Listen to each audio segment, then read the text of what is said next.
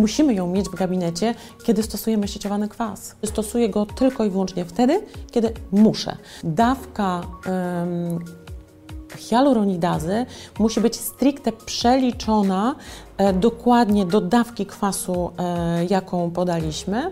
Czy zdecydowanie odradzam. E, hialuronidaza to nie jest związek, którym powinniśmy się bawić. Ja osobiście e, oceniam najwyżej. To jest e, hialuronidaza e, pozyskiwana, wyekstrahowana z e, paciorkowców, e, czyli z bakterii. To często obserwujemy na rynku. Powiększę sobie jak usta, jak mi się nie spodoba, to sobie rozpuszczę. Czy to, co się dzieje w tym momencie, jeśli chodzi o modelowanie ust najczęściej, żeby wymodelować usta do techniki, do, do, techniki rosyjskiej, prawda, to często Panie rozpuszczają te usta, bo Pani mi powiedziała, że jeżeli chcę mieć takie płaskie, to najpierw proszę rozpuścić, a potem będziemy modelować.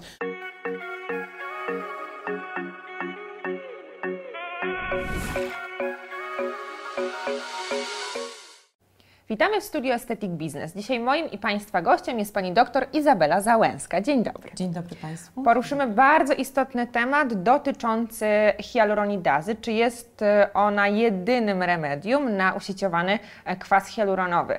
Mm, Zacznijmy od takiego podstawowego pytania, czym jest hialuronidaza i w, jakiej, w jakim celu ją stosujemy? Czy hialuronidaza jest enzymem, który tak naprawdę naturalnie występuje, jest produkowana przez niektóre komórki ludzkie, zwierzęce, występuje też w jadzie e, na przykład błonkoskrzydłych, czy w białku e, na przykład owczym czy bydlęcym. Natomiast e, kluczowym dla nas e, jest to, że dzięki temu enzymowi dochodzi do polimeryzacji, depolimeryzacji, czyli do rozkładu e, właśnie kwasu hialuronowego. Dlatego jeśli stosujemy ten kwas hialuronowy usieciowany, to pozwala nam to w e, niektórych przypadkach, kiedy jest to konieczne, no najprościej mówiąc, e, do rozpuszczenia tego e, kwasu, czyli jest to niezbędny element. em, Musimy ją mieć w gabinecie, kiedy stosujemy sieciowany kwas. Ta hialuronidaza, która jest dostępna w hurtowniach medycyny estetycznej, w takim razie e, skąd jest pozyskiwana? Znaczy, powiem tak, no, y, najczęściej jest to, znaczy mamy dwa rodzaje, powiem tak. Jest to hialuronidaza, która będzie właśnie pozyskiwana e, z e, jadu błonkoskrzydłych.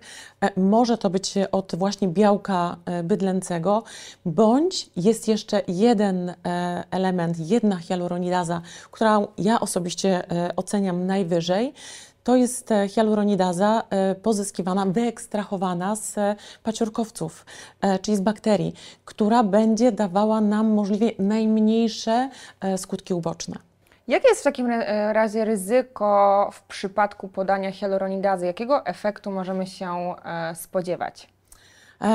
Pytanie, czy mówimy o ryzyku związanym z tym, że podamy jej za dużo i będziemy uszkadzały nie tylko ten kwas hialuronowy, który wstrzyknęliśmy, ale uszkadzamy również e, własny kwas hialuronowy i o tym e, pamiętajmy.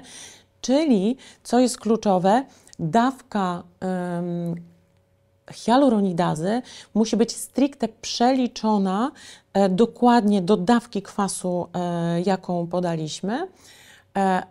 I to jest jeden element. No a dwa to reakcja e, alergiczna e, i tutaj moglibyśmy powiedzieć o tym nieco więcej, no nawet do wstrząsu e, anafilaktycznego, czyli no dość trudnej reakcji, no zagrażającej w niektórych przypadkach życiu pacjenta.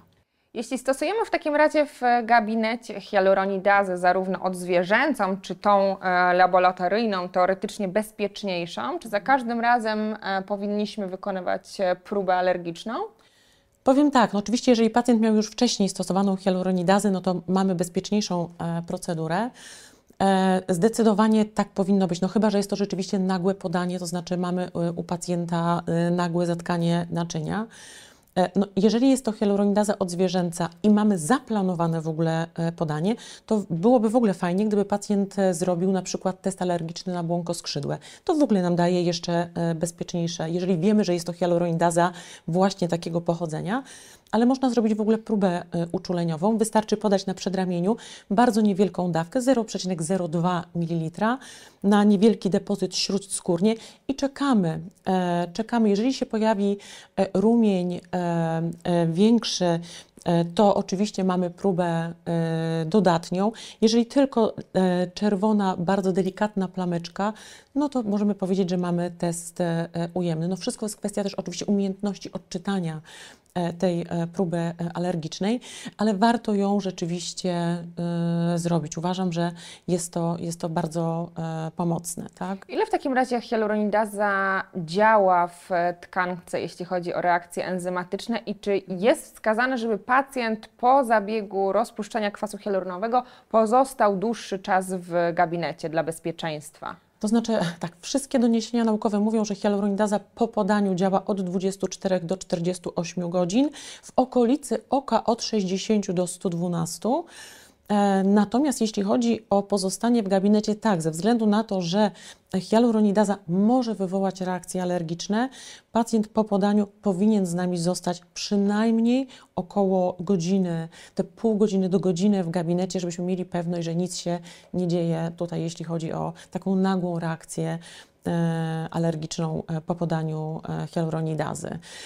No i też oczywiście obserwujemy pacjenta. Weźmy też pod uwagę, że zwłaszcza jeżeli to jest e, nagłe podanie, czyli doszło do zatkania e, naczynia, to my rzeczywiście musimy e, zwracać uwagę, czy wraca krążenie w miejscu po zatkaniu naczynia, czyli obserwujemy tego pacjenta, sprawdzamy, jak wyglądają tkanki i proszę też pamiętać, że y, bardzo często jest potrzebna no, reaplikacja tej hialuronidazy, że powiedzmy to pierwsze podanie nie zawsze było w 100% e, wystarczające. Po jakim czasie w takim razie możemy reaplikować e, enzym, skoro pierwszy zabieg był nieefektywny? To znaczy, powiem tak, oczywiście są różne procedury i różne zdania specjalistów na świecie. Na pewno tutaj musielibyśmy powiedzieć o całej procedurze z ciepłymi okładami, z podaniem e, aspiryny, albo sildenafilu, jeśli pacjent e, jest uczulony na e, kwas acetylosalicylowy, ale na pewno podajemy hialuronidazę do momentu, kiedy zniknie zbielenie, widzimy, że wraca nam naturalny koloryt tkanek, ale najlepiej kontrolujemy pacjenta po 6 godzinach, jeśli to jest możliwe. Jeżeli nie jest to możliwe, bo zabieg był wykonany wieczorem, to kontrolujemy pacjenta e, w kolejnej dobie, najlepiej rano. Sprawdzamy, jeśli mamy jeszcze wątpliwości, to powtarzamy podanie e, hialuronidazy. A co jeśli chodzi o takie mm, kapryśne podania enzymu? To znaczy rozpuszczę usta i zrobię je na nowo, bo tamte mi się nie podobają. Czy jest to wskazane, czy powinniśmy wręcz unikać tego typu zachowań? Czy zdecydowanie odradzam. E, hialuronidaza to nie jest związek, którym powinniśmy się bawić. Hialuronidaza to jest związek, który powinien być stosowany absolutnie tylko i wyłącznie, kiedy jest taka konieczność. To jest związek dla mnie ostatniego wyboru. To znaczy stosuję go tylko i wyłącznie wtedy, kiedy muszę. To znaczy wtedy, kiedy byłaby tak zwana awaria podczas zabiegu, czyli mamy powikłanie, albo rzeczywiście pacjent ma taką nadkorekcję, z którą no, nie da się funkcjonować, wygląda rzeczywiście nieestetycznie.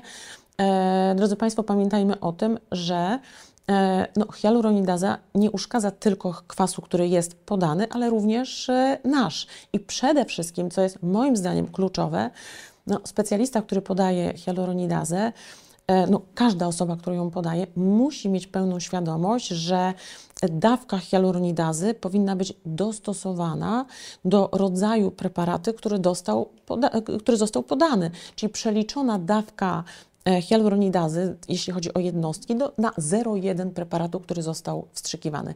Oczywistym jest to, że oczywiście w procedurze nagłego podania podajemy ją często nieco więcej, no z prostej przyczyny, no staramy się tutaj przede wszystkim kluczowe jest dla nas odblokowanie I zdrowie pacjenta, i zdrowie pacjenta żeby nie doszło do martwicy.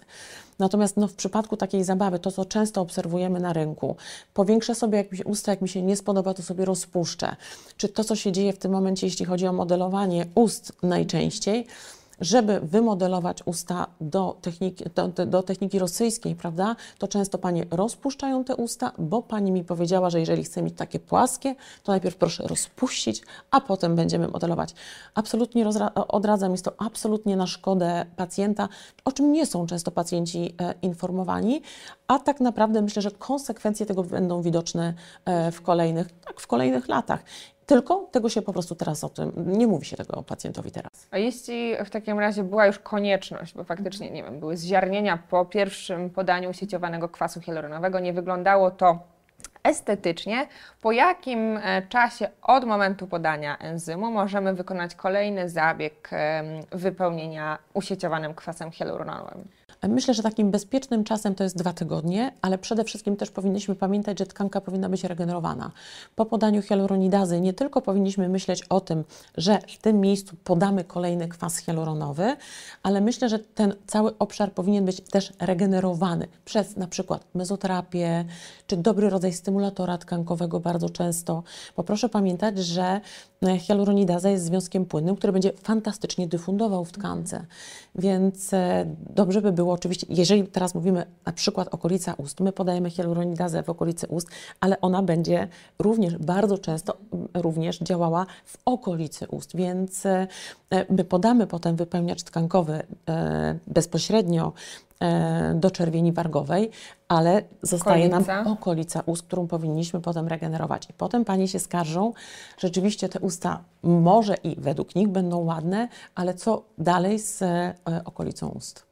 Bardzo dziękuję za miłą rozmowę, dziękuję. a Państwa zapraszam na kolejny odcinek.